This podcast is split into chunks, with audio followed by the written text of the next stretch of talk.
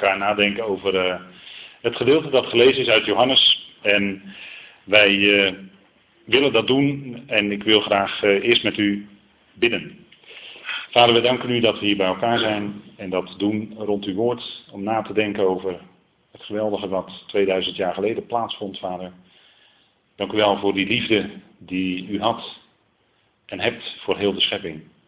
Dat u uw eigen zoon niet gespaard heeft, maar dat u hem voor ons allen heeft overgegeven. Vader, en dat dat de redding betekent van heel de wereld, van heel de schepping. Vader, dank u wel dat we mogen nadenken vanavond aan de hand van een stukje uit Johannes, wat er gebeurd is 2000 jaar geleden, met zoveel details opgeschreven. Vader, het is de moeite om die na te lopen en ook te zien wat de schrift zegt over de rijkwijde en de betekenis van wat gebeurd is op Golgotha en ook Pasen de opstanding. Dank u wel, Vader, dat we zo vanavond daar een moment bij stil mogen staan. Geeft u wijsheid, geeft u leiding door uw geest.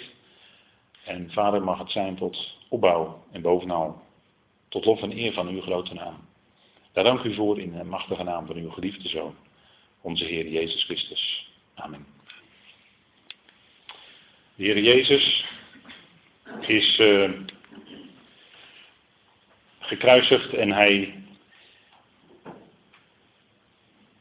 We lezen hier in Johannes over zijn kruis, over zijn dood en over wat, uh, wat eraan vooraf ging. En dit is wat, uh, een stukje over het tekstverband wat we gelezen hebben. zijn dood en wat vooraf ging, zijn begrafenis, daar hebben we een klein stukje van gelezen, en zijn opstanding. En daarover hopen wij verder stil te staan. En ik denk dat het goed is om uh, dat te doen aan de hand van het gelezene. En uh, we zien dat de heer Jezus hier ehm, in Johannes 19 zijn kruis heeft hij gedragen en hij ging op de weg die de schedelplaats genoemd wordt in het Hebreeuws Golgotha. En uh, het is goed om te beseffen dat die plaats waar, uh, waar hij gekruisigd werd, uh, genoemd wordt. En ik zie dat er waarschijnlijk een klein foutje gebeurd is. Dit is een andere presentatie. Ik weet niet hoe het komt, maar um, dan zullen we het met, uh, dan zullen we het zo moeten doen. En hij droeg zijn kruis en hij ging op weg, staat er dan in het 17e vers, naar de plaats die schedelplaats genoemd wordt. En dat is in het Hebreeuws Golgotha. En Golgotha, dat is, uh, uh, zoals de schrift hier aangeeft, de schedelplaats. En Golgotha, dat, heeft, dat komt eigenlijk uit het Hebreeuws, hè, dat staat er ook bij. Ehm, het wordt in het Hebreeuws genoemd Golgotha. En hij heeft zijn kruis daarnaar gedragen. En we, we lezen in de Evangelie dat uh, de Simon van Cyrene zijn kruis droeg. Maar er staat aan de andere kant ook dat hij zelf zijn kruis heeft gedragen. En hij droeg zijn kruis en hij heeft uh, uh, die, dat, dat kruis gedragen. De Hebreeën schrijver die zegt daar ook iets over. Hebreeënbrief. Ehm, namelijk in Hebreeën 12, dat hij het kruis verdragen heeft. En dat wil zeggen, hij heeft het, hij heeft het gedragen, hij heeft, er, hij heeft eronder volhard, hij, heeft er, uh, hij, heeft, hij is die weg gegaan. En hij is gegaan in die loopbaan die vader hem had voorgesteld. Dit was stap voor stap de loopbaan die vader hem had voorgesteld. En vader die had dat voor hem uitgestippeld. En er was één moment geweest in Gethsemane. Gethsemane, wat, wat we kennen als uh, daar waar olijfbomen groeien, de olijfpersbak, hè, betekent dat. In Gethsemane was er één klein moment waarin uh, zijn wil even, uh, ja, waarin hij als mens heel even bad, vader, niet mijn wil, want als mens zag hij op tegen dat immense lijden. En hij had zijn hele leven al geleden. Hij zag als mens daar tegenop. En hij zag zo daartegenop dat, dat hij bad vurig.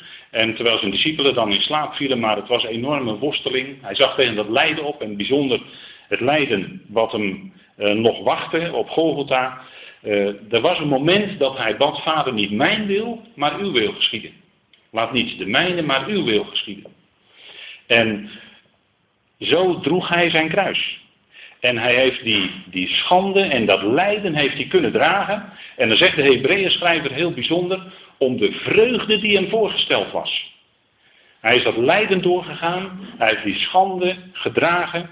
En dat was omdat hij wist dat vader hem zou opwekken uit de dood. En dat er daarna verheerlijking en vreugde kwam. Hij heeft die vreugde, uh, die was hem in het vooruitzicht gesteld. En dat zegt de Hebreeën schrijver. Hè? En zo is hij eigenlijk in geloof. Hè? Daar wordt ook van hem gezegd dat hij de leidsman en de voleinder van het geloof is. En dat hij zo die weg is gegaan, eigenlijk als een, als een geweldig geloofsvoorbeeld zou je kunnen zeggen, als de top van de geloofsvoorbeelden die in Hebreeën 11 en 12 genoemd worden. Hebreeën 11 kennen we, dat is een hele rij van geloofshelden, zoals we dat dan zeggen, geloofsmensen. En hij is eigenlijk de top die uh, als laatste naar voren wordt gebracht in de Hebreeënbrief, in Hebreeën 12, dat hij in geloof die weg is gegaan en dat hij zo die schande heeft geacht en dat lijden heeft verdragen. En dat was om de vreugde die hem voorgesteld was. En daarin is hij een geweldig voorbeeld voor ons. En dat is niet zomaar iets, hè. Want uh, als we dan zo even lezen, en terwijl hij zijn kruis droeg, dan, dan betekent dat dus eigenlijk heel veel. Hè? Als je daar dus bij denkt wat het, wat het voor hem betekende. Het was niet alleen letterlijk op dat moment het dragen van het hout, het letterlijke dragen van het hout. Nee, het was uh, het lijden wat hem overkwam, uh, dat hij ook de zonde van de wereld op hem gelegd zou worden. Hij was immers het lam van God dat al tevoren gekend was voor de nederwerping van de wereld.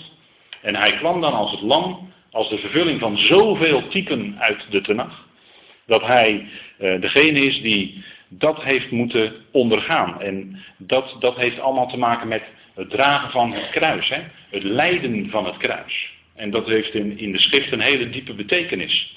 En uh, dan wordt hij uh, geleid naar de plaats die schedelplaats genoemd wordt. En dat is in het Hebreeuws Golgotha. En dat is eigenlijk iets dat uh, een plaats die toen buiten de, wat we tegenwoordig zeggen, de oude stad Jeruzalem is. Een beetje zo ten noorden van Jeruzalem. In de buurt van de Herodespoort en in de buurt van de uh, poort van uh, Damascus. Daar zijn twee poorten in het noorden, aan de noordkant van Jeruzalem. En daar ongeveer heeft hij buiten, heeft hij, buiten die muren heeft hij geleden. En Hebreeën zegt ook dat hij buiten de legerplaats heeft geleden. En dat is een heel diep lijden geweest. En uh, we zien dat uh, als we kijken in dat overzicht van Johannes 19, dan uh, zien we dat hij in vers 17 op weg is. En dan in vers 30, wat we gelezen hebben, wordt het stukje afgesloten als het ware met zijn dood. En hij droeg zijn kruis en hij heeft de schande veracht. En we lezen eigenlijk, dat is heel bijzonder, als je het woord kruis na gaat zoeken in de schrift, en dat raad ik u aan deze dagen, want in deze dagen bent u daar misschien nog extra mee bezig. Als u het woord kruis of kruisigen zou nazoeken, dan vindt u dat bij Paulus tien keer. Hè? Het, uh, het, woord kruisigen en uh, het begrip kruis vindt u ook tien keer bij Paulus.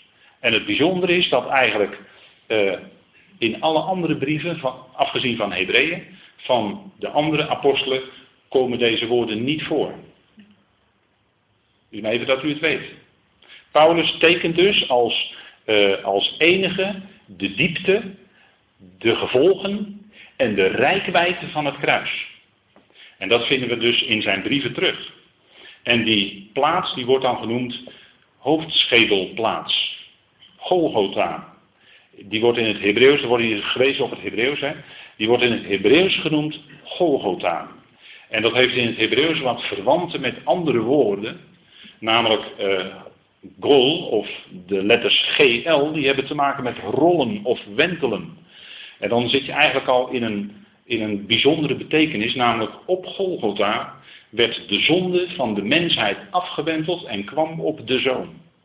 Want in de zoon In de zoon was die hele oude mensheid in feite vertegenwoordigd en hij droeg de zonde van de mens.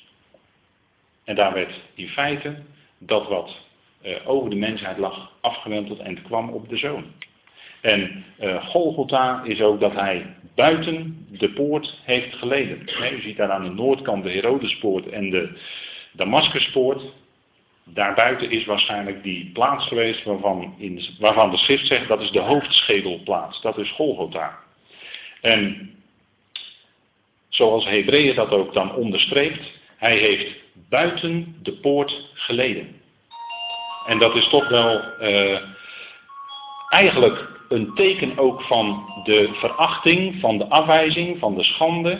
Uh, dat hij dus eigenlijk niet welkom was in Jeruzalem zelf. Maar hij werd als het ware Jeruzalem uitgedreven. Dat is ook een stuk lijden geweest hoor. De afwijzing door zijn eigen volk.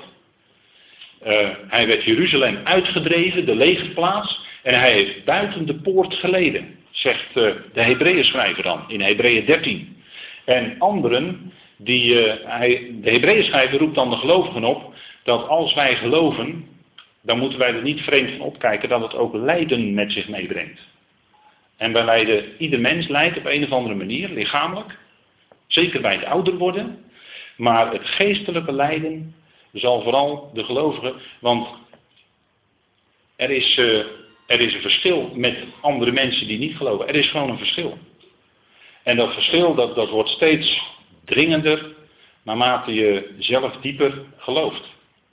En dan zie je eigenlijk dat die afstand, uh, die geestelijke afstand eigenlijk steeds groter wordt. Natuurlijk weten we dat God ieder mens lief heeft. En zo treed je ook ieder mens tegemoet.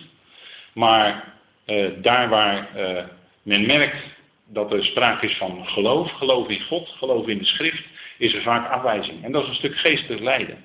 En wat denkt u wat het voor de Heer heeft betekend? Dat hij tot het zijne kwam en de zijne hebben hem niet aangenomen. Hij kwam in liefde. En hij sprak het woord. En het woord wat hij sprak werd afgewezen. Juist door degenen die de schriftgeleerden waren van zijn tijd, van zijn dagen. Dat is een enorm stuk geestelijk lijden geweest. Dat moet u niet onderschatten. Als je uh, vol overtuiging en vol geloof predikt dat wat er op dat moment gepredikt moet worden en je krijgt afwijzing, dan is dat een stuk lijden, een enorm stuk geestelijk lijden. Dat, is, dat levert een stuk geestelijke frustratie op. Dat is een stuk lijden en dat overkwam hem. Juist door zijn eigen volk, wat hij zo lief had. En te midden waarvan hij sprak en wandelde en liefde betoonde. En nogthans afwijzing, voortdurend. Is een hele bediening van drie, misschien vier jaar. We kunnen daarover praten, maar goed, het maakt allemaal niet zoveel uit. Die jaren dat hij te midden van zijn volk zo intens diende, daarin werd hij afgewezen. Was voortdurend lijden. Eerst werd zijn boodschap afgewezen en vervolgens werd hij zelf als de koning afgewezen.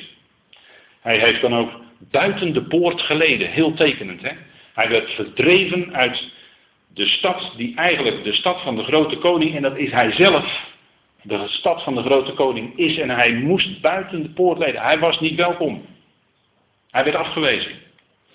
En um, dan zien we dat Golgotha, daar zij hem kruisigden en met hem twee anderen, aan elke zijde één, en Jezus echter in het midden. Want het ging om hem. En, en Golgotha heeft dan ook verband met woorden als Goel. Goel, dat is het Hebreeuwse woord voor de losser of de verlosser. En hij als enige van de mensheid kon de ware losser zijn, kon de ware verlosser zijn, als de laatste Adam, om als de ware losser die hele mensheid los te kopen, waarvan Boas bijvoorbeeld bij Rut een schaduw was. En uh, als we denken aan Gilgal, Gilgal heeft ook met het woord Golgotha te maken. Op Gilgal was er namelijk de besnijdenis. En als we hier bij het kruis zijn, dan zegt Paulus later in Colossense dat het is de besnijdenis van Christus.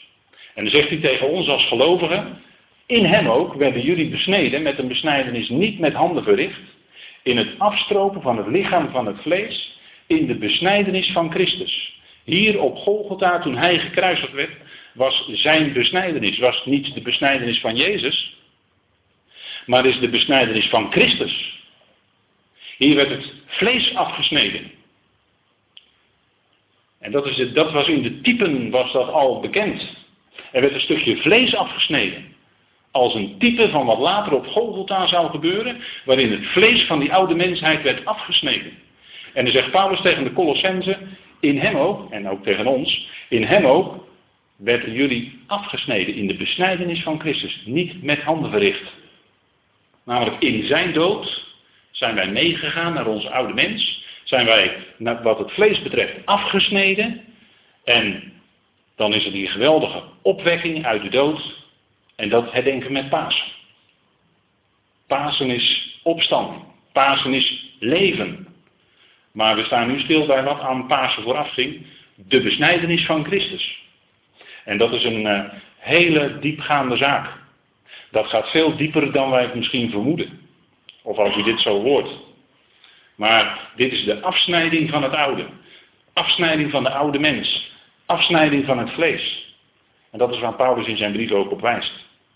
En dan staat er ook een uh, geweldige waarheid eigenlijk verborgen in de evangelie. Wat we misschien niet zo zouden uh, lezen, maar u kent dat wel. Met hem werden nog twee anderen gekruisigd. En als je de evangelie naast elkaar legt, dan ga je ontdekken dat er twee momenten zijn dat er twee gekruisigd werden. En die momenten kun je ook aanwijzen. En dat er dus in totaal met hem vier gekruisigd werden. Twee rovers en twee misdadigers. Er worden ook verschillende woorden voor gebruikt in de grondtekst. Vier met hem gekruisigd. En dat is ook een thema wat in dit stukje terugkomt. De vier, dat is eigenlijk de vier hoeken van deze aarde. Dat is eigenlijk deze wereld, of moet ik zeggen deze oude wereld. Die vier anderen met hem. Die vier met die ene. En het gaat om die ene. En wat die ene doet, heeft betekenis voor die andere vier. En één van die vier besefte dat. En die bad, Heer, gedenkt u mij als u komt in uw koninkrijk. Geloof in de opstanding. Want ze hingen daar te sterven aan dat kruis. En hij zei, Heer, gedenk mij als u komt in uw koninkrijk. En dan zegt de Heer, en dan zegt de Heer heden, ik zeg u, je zult met mij in het paradijs zijn. En de Heer belooft hem ook leven in de Aion. En vier anderen werden met hem gekruisigd. En er zijn meerdere plaatsen in de wereld waar dit soort beelden te vinden zijn. Er is een foto uit Frankrijk. En er is nog wel een andere plaats in Frankrijk waar ook zoiets staat. Vier kruisen met die ene. En dat drukt een geweldige waarheid uit van de schrift. En die vinden we bij Paulus. Want Paulus zegt in Romeinen 6, dit wetend dat onze oude mensheid, of onze oude mens staat er misschien in uw vertaling, maar dit wetend dat onze oude mensheid, dat is die vier, dat zijn die rovers en die misdadigers, dat zijn u en ik dus, die zijn met hem mede gekruisigd. Want uh, dat moest gebeuren. Want het bleek dat in de mensheid geen goed woonde. En dat is misschien soms voor, ook soms voor gelovigen een ontdekking, dat er in de mens niets goed woont. Maar Paulus zegt in Romeinen 3 dat er niemand is die goed doet. Dat er niemand is die rechtvaardig is, ook niet tot één toe. Hoe hard iemand het misschien ook probeert, maar er is niemand die goed doet. In Gods ogen. Dat is uiteindelijk de hoogste, de hoogste en de diepste visie die we krijgen op de mens. Hè? Romeinen 3. En daar citeert Paulus de Tenach achter elkaar uit de psalmen. Er is niemand die goed doet. Psalm 14, Psalm 52, 53, noem maar op. Niemand is rechtvaardig. En daarom moest die ene komen. Die vier met hem aan het kruis, die waren onrechtvaardig. Dat waren rovers, dat waren misdadigers. Die hadden het volledig gebruikt. Kruisiging was in die tijd ook voor slaven en voor misdadigers. En daarom, eh, daarom zegt Paulus achteraf dat onze oude mensheid mede gekruisigd is. En dit zouden wij met Christus erkennen. Dit zouden wij met God mee erkennen die dit zegt. Opdat aan het lichaam van de zonde, opdat het lichaam van de zonde buiten werking gesteld zou worden. En wij niet meer als slaaf de zonde zouden dienen. Dat is de diepe betekenis van het kruis. Voor ons leven van alle dag u kunt zeggen, ja, dat, dit, zijn, dit zijn elementaire dingen. Maar het is goed om dat eh, weer eens tegen elkaar te zeggen, om dit te herhalen. Dit is wat de schrift zegt. He, opdat het lichaam van de zonde buiten werking gesteld zal worden. Dat is de werking van het kruis. Dat wij onze ledemaat, ons lichaam dus niet langer stellen ten dienste van de zonde. maar ten dienste van God. En dat is juist die vrijheid. Dat je Hem dient. We zeggen altijd vrijheid in gebondenheid. Vrijheid om Hem te dienen. In gebondenheid aan Hem. Opdat wij niet meer als slaaf de zonde zouden dienen. En in Galaten 2 vers 20 zegt Paulus hetzelfde. De Galatenbrief. Attentie voor de Galatenbrief. Met Christus ben ik gekruisigd, zegt Paulus. Over dat mede gekruisigd met Christus. Hè? Met Christus ben ik gekruisigd. En toch leef ik. Dat is het wonderlijke. Toch leef ik. Maar dat is niet meer mijn ik. Ik kan ook zeggen dat is niet meer mijn oude ik. Maar Christus leeft in mij. Dat is mijn, als het ware mijn nieuwe ik. Is Christus in mij. Die leeft, die leeft zijn leven uit door ons heen, door de gelovigen heen. En dat is wat Paulus zegt. Hè? Deze boodschap kom je in Paulus' brieven tegen. En dat is een hele diepgaande boodschap. Dat is de diepe werking, de diepe doorwerking van het kruis. En dat is eigenlijk wat gesymboliseerd wordt in die ene, de Heer Jezus Christus, die samen met vier anderen mede gekruisigd werd. Hè? Die vier anderen samen met hem, moet ik eigenlijk zeggen. En dan staat er in Johannes 19 dat Pilatus schreef en er moest steeds een identificatie bij iedere gekruisigde staan. En op het bordje bij de Heer stond Jezus de Nazarener, de koning van de Joden. En hier zat een ondertoning van spot. Want Jezus de Nazarener betekent hij die afkomstig is van Nazareth. En de Joden en Judea, die spraken met enige minachting over degene die uit Galilea kwamen. En daar woonde hij, Nazareth. En daarom werd hij door de Joden genoemd Jezus van Nazareth. Met een beetje minachtende ondertoon. En dat is wat hier ook naar voren komt, hè, op dat opschrift. En het stond er in het Hebreeuws, in het Grieks en in het Latijn. Nou, u ziet hier iets andere volgorde, Hebreeuws, Latijn en Grieks. Maar in ieder geval in die drie talen stond dat geschreven. En het Hebreeuws was natuurlijk de taal van de synagoge. De taal die gesproken werd in de synagoge als er diensten gehouden werden. Grieks, dat was eh, de cultuur, hè? dat was de taal van de cultuur, van, van, eh, dat was de, de omgangstaal in die tijd. De taal van de heidenen. En het is ook heel bijzonder dat uh, de Griekse schrift, wat wij altijd zeggen is het Nieuwe Testament, Grieks is en niet Hebreeuws. Dat is, heel, dat is juist tekenend dat God een werk zou gaan doen onder de heidenen. Hij zou een werk doen onder de heidenen. En vandaar dat het Nieuwe Testament in Grieks is geschreven. En Latijn is de taal van de Romeinen. Dat waren de overheersers van die dagen. Hè? Dus dan zien we eigenlijk een hele, uh, ja, dan zien eigenlijk die hele wereld van, van uh, die tijd eigenlijk samenvallen in die omschrijving. Hè? En eigenlijk aan, aan al die groepen wordt hier eigenlijk gepredikt Jezus, de koning van de Joden. En natuurlijk zit daar dan een spottende ondertoon in. Want ja, een koning die aan het kruis hangt, dat is nou niet bepaald iemand die op dat moment in macht en majesteit regeert. Maar het is integendeel. En dat is, dat is het paradoxale, dat is, dat is de, de innerlijke tegenstrijdigheid zou je kunnen zeggen van het kruis. Want uh, Paulus die zei, ja kijk die Grieken, die zoeken wijsheid. Maar wij prediken, wij prediken een gekruisigde Christus. Dat is zwakheid. Maar juist in die zwakheid van God blijkt het sterker te zijn dan het sterkste van de mensen. Die boodschap van het kruis is er een van zwakheid. Kijk nou over de kruisigde. Iemand die zwak is. En de voorbijgangers die bespotten hem ook. Kom af van het kruis indien je Gods zoon bent. Dat was de verzoeker die door hen heen sprak. Kom af van het kruis. Maar het was juist dat kruis, de prediking van het kruis, het woord van het kruis, is juist de kracht van God. Juist in die zwakheid wordt Gods kracht zichtbaar. En wat een enorme kracht werd ook zichtbaar toen hij werd opgewekt uit de dood. Dat is enorm. Nou, de Joden wilden dat opschrift aanpassen. De overpriesters van de Joden. De overpriesters van de Joden, zegt vers 21. En normaal gesproken werden zij de overpriesters genoemd in dienst van God. Maar het is bijzonder dat hier staat de overpriesters van de Joden hoe zij zich opstelden, hoe zij, zich, hoe zij deden, handelden, bleken zij niet echt meer overpriesters van God te zijn, maar van de Joden. Ze waren meer bezig met hun eigen positie en de handhaving daarvan. Zie daar Want degene die hen bedreigde moest gekruisigd worden, die moest gedood worden. En uh, daarom heten zij nu de overpriesters van de Joden. Dus niet van God.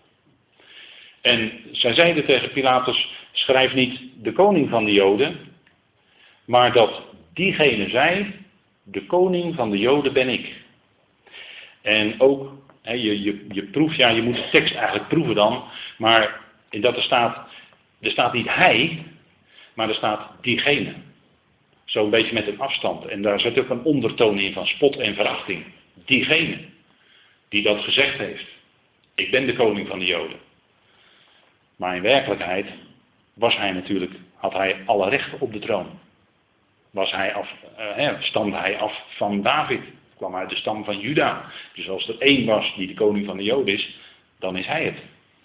Alleen hij had al tegen Pilatus gezegd, nu, nu, hè, als ik werkelijk nu koning zou zijn, dan zouden mijn dienaren gestreden hebben. Maar nu is mijn koninkrijk niet van hier, van deze wereld. Nu is mijn koninkrijk niet van deze wereld. Nu, hij moest eerst gekruisigd worden. Het moest eerst via die diepe weg van lijden, van vernedering, van verachting, van spot. Dat is allemaal het kruis. En dat is iets wat, wat eh, een mens vanuit zichzelf niet wil. Je wil niet veracht worden. Je wil erbij horen. Je wil niet lijden. Je wil graag het lijden ontvluchten. En, en eh, dat, dat zit zo in de mens.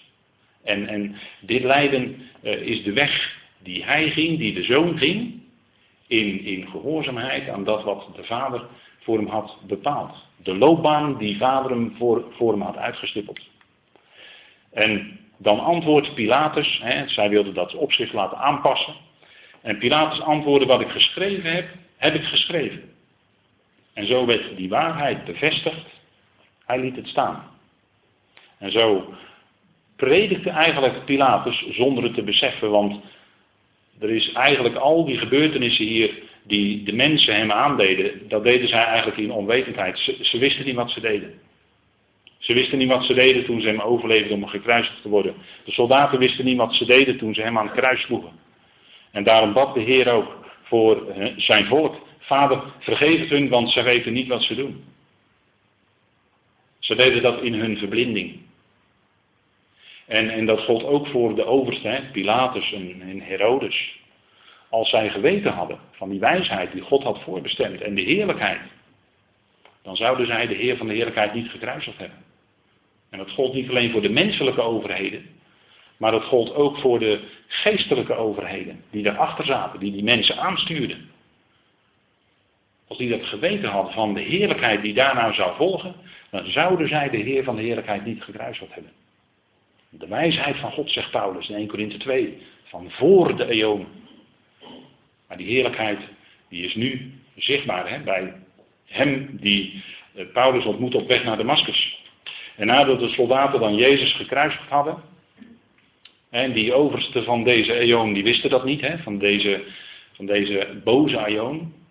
Die, die geestelijke overheden, machten, die, die, die wisten dat niet, die waren zich dat niet bewust, anders zouden zij de Heer van de Heerlijkheid niet gekruisigd hebben. Dus zij wisten niet wat ze deden. De tegenwerker dacht misschien dat hij het voor elkaar had toen de Heer in het graf lag. Maar toen hij werd opgewekt, toen bleek zijn, toen bleek zijn enorme nederlaag. En toen bleek de grote overwinning die door zwakheid, de zoon die in zwakheid en in liefde de weg van het kruis is gegaan, bleek die zwakheid juist uiteindelijk de grootste overwinning teweeg te brengen. En dat is wat zo tegengesteld is aan het denken van de wereld, waarin het gaat om kracht, om macht, om, om positie, om, om rang. Om, en de zoon heeft dat allemaal afgelegd. Paulus beschrijft dat in Filippenzen 2 en zo geweldig. Dat hij zo'n grote heerlijkheid had. Dat hij in de gestalte van God was. En die gestalte heeft afgelegd en zichzelf ontledigd heeft, zichzelf vernederd heeft. En het is heel, zo diep gegaan, zelfs tot de dood van het kruis. En dat zijn woorden die moeten we niet onderschatten. En we zien eigenlijk dat die, uh, we hadden het net over die vier tegenover die één, hè, dat zien we eigenlijk ook in zijn kleding naar voren komen. Want elk schriftwoord, hè, ook uit de psalmen, moest vervuld worden. De soldaten hadden Jezus gekruisigd, ze namen zijn kleren, maakten vier delen en die verdeelden ze onder elkaar, waren kennelijk vier soldaten. die bij het kruis moesten toekijken. En uh, dan was er ook het onderkleed. Dus het waren vier verschillende kledingstukken en een onderkleed.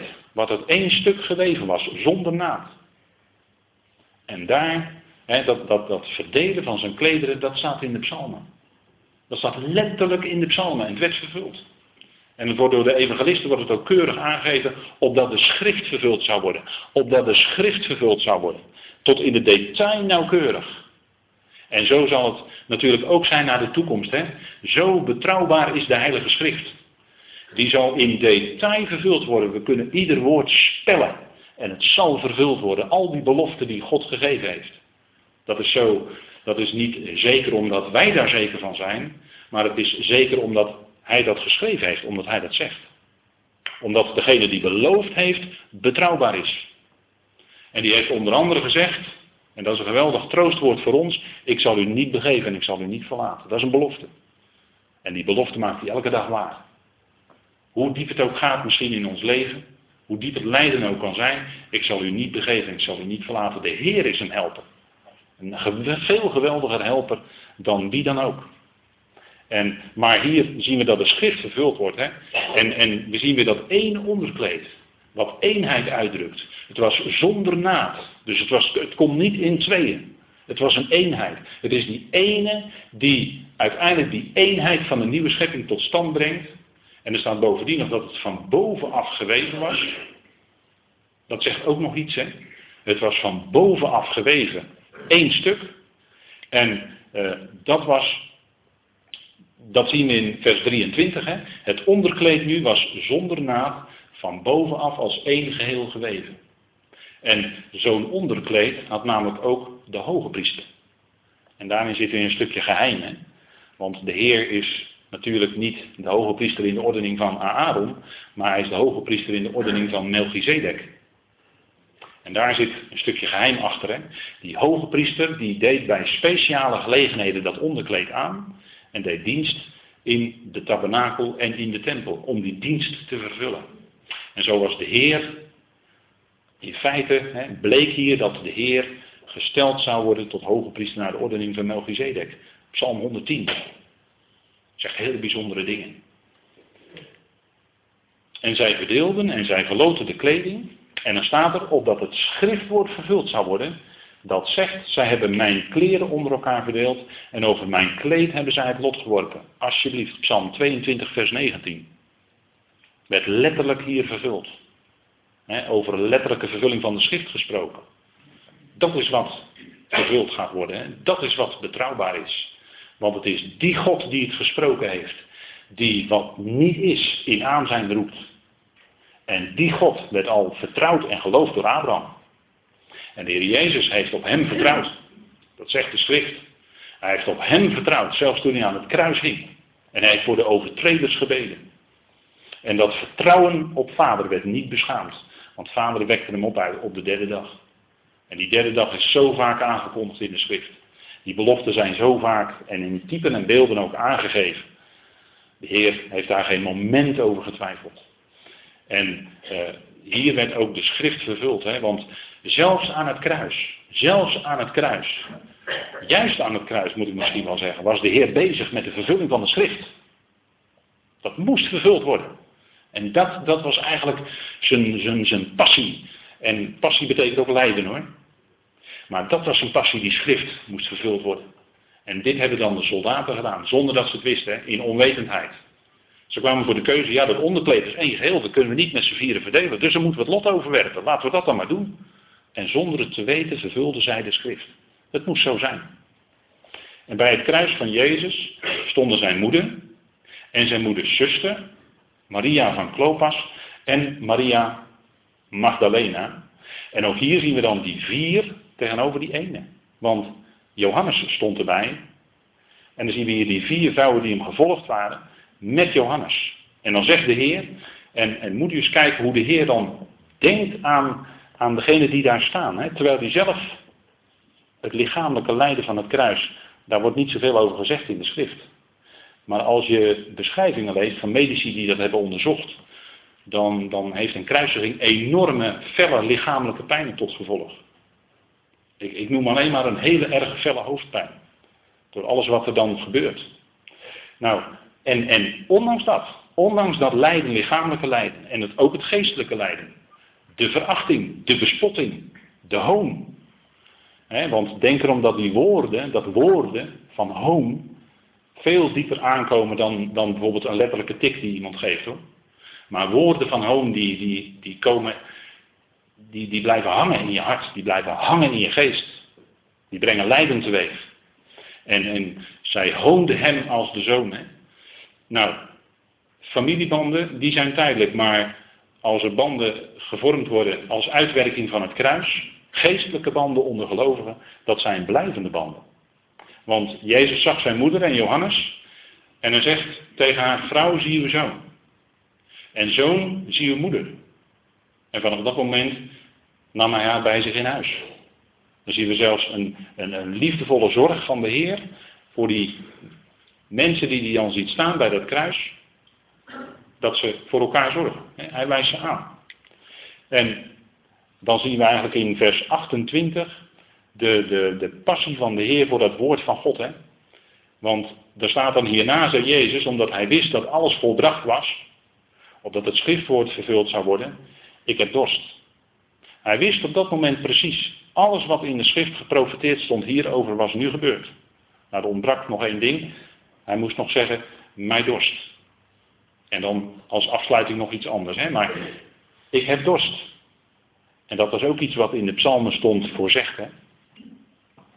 En, en als, we, als we kijken wat, wat de Heer hier dan uh, doormaakt, hè? als we even Psalm 22 erbij nemen, een paar versen, om even iets aan te geven. Hè? Want als u iets wil beseffen van, uh, ja, van het lijden en van, van de diepe emoties die dat teweeg brengt, dan zien we dat bijvoorbeeld in een psalm als Psalm 22. En uh, daar lezen wij dan in vers, uh, vers 14 bijvoorbeeld. Zij hebben hun muil tegen mij opengespet, als een verscheurende en brullende leeuw. Als water ben ik uitgestort. Ontwricht zijn al mijn beenderen. Mijn hart is als was. Het is gesmolten diep in mijn binnenste. Mijn kracht is verdroogd als een potscherf. Mijn tong kleeft aan mijn gehemelte. U legt mij in het stof van de dood. Nou, dat, dat is iets hè, wat, wat in die psalm staat en wat de Heer heeft gebeden, gereciteerd aan het kruis. En, en eh, als je dat tot je door laat dringen, dan gaat dat heel ver. En, en in die situatie eh, besefte de Heer, er moest nog iets vervuld worden. En hij zei, ik heb dorst. Opdat de schrift vervuld zou worden. Dat is, dat is passie voor het woord van God. Hè? En eh, dan stond daar een kruik vol zure wijn. Heel toepasselijk hè, bij het kruis. Het was geen zoete wijn, zoals bij de bruiloft in Cana, maar het was zure wijn. En zuur in de schrift is een beeld van verderf. Denkt u maar aan zuurdesem. Een klein beetje duur, doorzuurt het gehele deeg. Hoeft er maar een klein beetje in te doen en het, het werkt in het hele deeg werkt door, hè, zegt Paulus. In uh, Galaten 5 is dat, meen ik, ook de gelaten brief. Een klein beetje zuurdesem doorzuurt het hele deeg. Terwijl wijn in principe vreugde uitbeeldt, nieuw leven. Maar hier is het zure wijn, edik, azijnachtig. En ook als u dorst hebt, smaakt dat niet. Maar ze brachten het naar zijn mond en hij nam er niets van. Of hij nou echt gedronken heeft, is nog de vraag. Maar zure wijn, daarin zit het bederf. Zuur spreekt van bederf in de schepping. En dat is eigenlijk, en daarin wordt eigenlijk zichtbaar de afwijzing door de mens van hem die daar hing. En een gekruisigde die hangt tussen hemel en aarde. Door, de, door de aarde, door de mensen, wordt, die, wordt, een, kruiseling wordt, uh, wordt eigenlijk verworpen en vandaar van de aarde verhoogd. En voor de Heer was het ook zo dat hij werd tot zonde gemaakt. En ook dat is een hele diepe waarheid die Paulus aanhaalt in 2 Korinthe 5, die Paulus noemt in 2 Korinthe 5. Hij, de zondeloze, hij die zonder zonde was, werd tot zonde gemaakt. En dan komt eigenlijk de, de vreugde erachteraan, opdat wij zouden worden gerechtigheid van God in hem. Dat is een tweede Korinthebrief, hè. Maar uh, hier was het de, verwerping door de mens. De schande, de verachting, de hoon, de spot. En dat, dat, dat, uh, dat blijkt eigenlijk uit die zure wijn die hij aangereikt krijgt. En natuurlijk zal hij later de zoete wijn drinken. Met de zijne in het koninkrijk, als hij gekomen is. Maar nu is dat nog niet zichtbaar. Maar wijn is in principe iets van vreugde, van nieuw leven, van heerlijkheid. En uh, hier is het nog niet zover. Hier is het lijden. Het bittere lijden. En er staat, en zij vulden de spons met zure wijn, staken die op een hyssopstengel en brachten die aan zijn mond. En uh, is iets dat ook gebruikt werd bij het strijken van bloed aan de deurposten. Toen Israël ging uittrekken uit Egypte. Toen werd het lammetje, het lammetje was in huis genomen als natuurlijk een beeld, een type van hem die het lam zou zijn. En het bloed werd gestreken aan de deurposten. Zodat ze door die deur, dat is dan de symboliek, hè, dat ze door die deur konden uittrekken. Dat bloed betekende verlossing, betekende ook voorbijspringen. Dat het verderf aan hun voorbij ging. Dat werd met hyssop aangebracht aan de deurpost. En uh, zo heeft eigenlijk hyssop in, in de diepte vanuit de schrift de betekenis, en wijst het naar opstanding. Wijst het in feite naar leven. Daar waar de dood dreigt, maar wordt afgewend op het lam, daar komt nieuw leven. Dat is voorbijspringen. En daar heeft Hyssop mee te maken. Hè?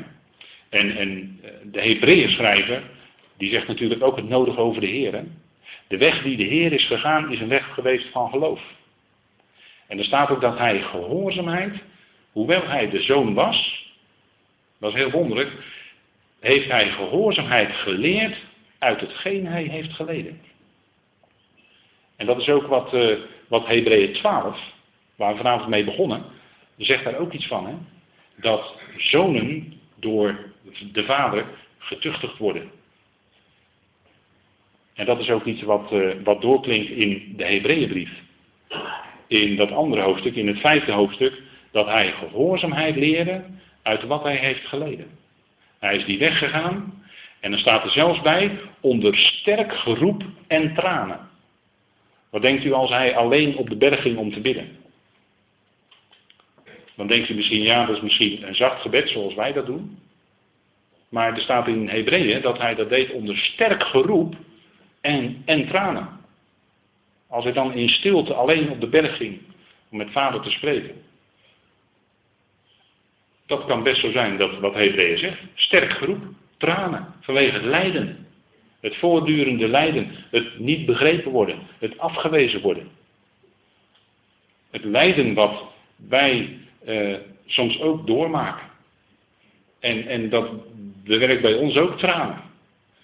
Maar als we in de weg doorgaan die, die God voor ons heeft bepaald, dan eh, leren wij gaandeweg aan de hand van hen gehoorzaamheid. En dat heeft ook te maken met geloof. Hè? Geloof is, is verbonden met, met gehoorzaamheid. En dat is ook wat de zoon deed en wat Paulus ook zegt in Filippenzen 2. Dat hij in de gelijkenis van een mens geworden is en in de gedaante als een mens bevonden. Verootmoedigt hij zichzelf, gehoorzaam worden tot aan de dood, ja tot aan de dood van het kruis. Niet alleen gehoorzaam tot aan de dood, maar Paulus voegt er nog aan toe, tot aan de dood van het kruis. En het kruis spreekt juist van de schande, van de verachting, van de manier waarop hij stierf. En dat, uh, dat is een, een, een, een niet alleen een letterlijk lichamelijk martelwerktuig, maar het spreekt van een totale lijden, het geestelijke lijden wat wat hij, waar hij doorheen moest. En hij is gehoorzaam geworden tot die uiterste diepte, de dood van het kruis. Als er iemand was die nooit dat verdiend had, dan was hij het wel. Hij was zonder zonde. En dat is wat, uh, wat eigenlijk Paulus laat zien. Wat God door Paulus heen laat zien. Hè? Die diepte, de diepe betekenis en de doorwerking van het kruis. En dan staat er in Johannes 19, toen Jezus dan de zure wijn genomen had, zei hij, het is volbracht. En hij boog het hoofd en gaf de geest. En met dat het is volbracht, door, door zoals dat daar geschreven staat, zoals hij dat uitsprak, blijkt dat het ook echt volbracht was. Dat blijkt zelfs uit de werkwoordsvorm. Het was volbracht, het was afgesloten. Dat wat hij moest doen, was gedaan. Het was compleet, het werk was af, het was gedaan. En zo kon hij dan het hoofd buigen en de geest geven.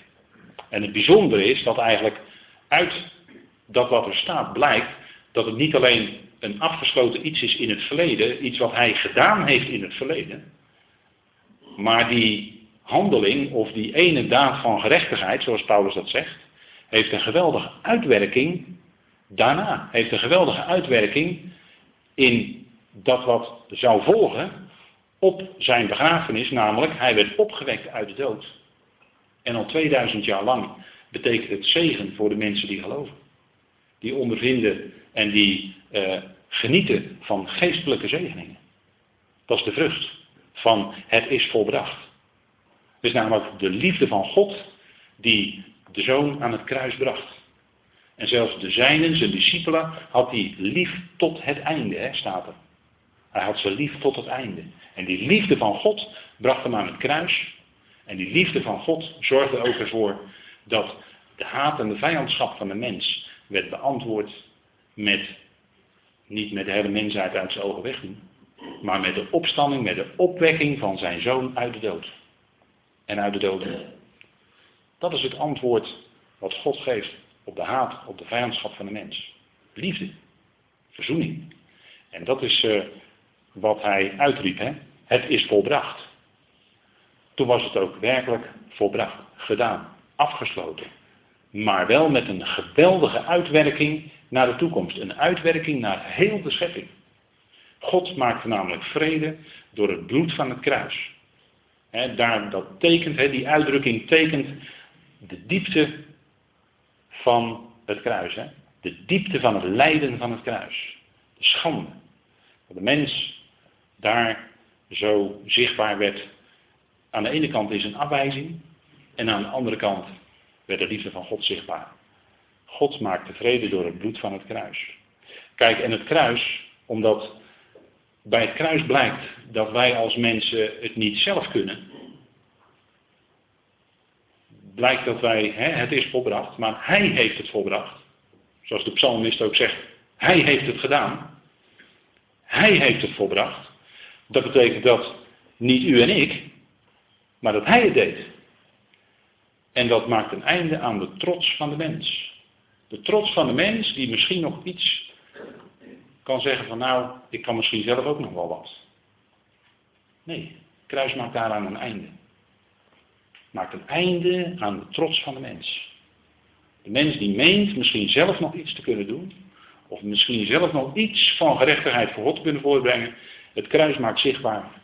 Nee, niet de mens. Hij, die mens is geworden. Die in de gestalte kwam van een slaaf. Die mens werd voor ons. Hij heeft het gedaan. En dat is de betekenis van het kruis. Het maakt een einde aan alle menselijke streven. Het maakt een einde aan alle menselijke uh, mogelijkheden. En na het kruis, door de opwekking van Christus, die opgewekte Heer, maakt Hij het mogelijk door ons heen. Maar dan is het niet langer onze kracht, dus weg onze eigen trots en ons eigen dunken. Maar dan is het zijn kracht. En dat is de betekenis van het kruis. Hè? En dat betekent verzoening uiteindelijk voor heel de schepping. Verzoening voor heel de schepping. Hè? Zoals Paulus het al eerder zei in de Korinthebrief, God was in Christus de wereld met zichzelf verzoenend. En in Colossense gaat hij nog een stapje dieper en zegt hij door het bloed van het kruis is de vrede gemaakt. En door die vrede is er zowel in de hemelen voor de hemelingen als voor de hele mensheid verzoening. Verzoening die God bewerkte door zijn eigen zoon.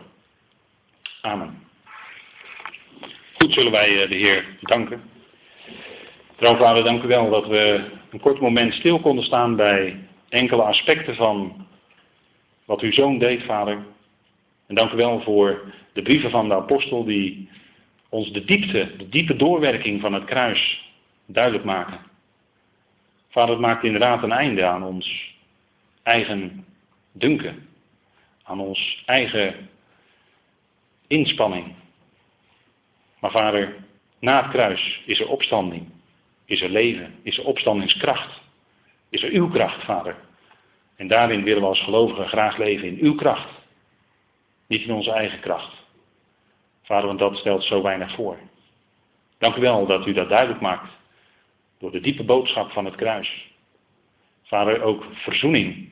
Het is ook de boodschap van uw liefde. Uw liefde die uitgaat naar heel de schepping. Vader, dank u wel dat u al die vijandschap en al die haat en al die afgunst beantwoordde met liefde. De zwakheid van de gekruisigde. Maar het is uw kracht, Vader. En dank u wel dat wij daardoor na Pasen leven.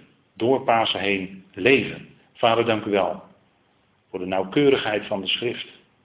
Vader, dank u wel voor de enorme passie van uw zoon voor dat schriftwoord wat vervuld zou worden. Vader, dat hij daar nog mee bezig was, in dat intense lijden. Vader, dat is heel bijzonder. Vader, mogen ook wij als, als gelovigen hem navolgen daarin. In die gedrevenheid voor het geweldige woord van u. Vader, dank u wel dat u dat hele woord zal vervullen. Tot op de laatste letter, tot op de laatste jota. Vader, u zal het vervullen. Want u bent degene die betrouwbaar is. U zal al uw beloften waarmaken. Vader, dwars door alles heen. Dank u wel voor dit gebeuren, vader, waar we ook vanavond weer bij stil mochten staan. 2000 jaar geleden is het gebeurd. Het is volbracht. Dank u wel voor die liefde van u. Dank u wel voor die heerlijkheid die gaat komen. Vader, dat dat de vrucht is van het werk van wat uw zoon deed. Vader, dank u wel daarvoor in die machtige naam van uw geliefde zoon. Amen.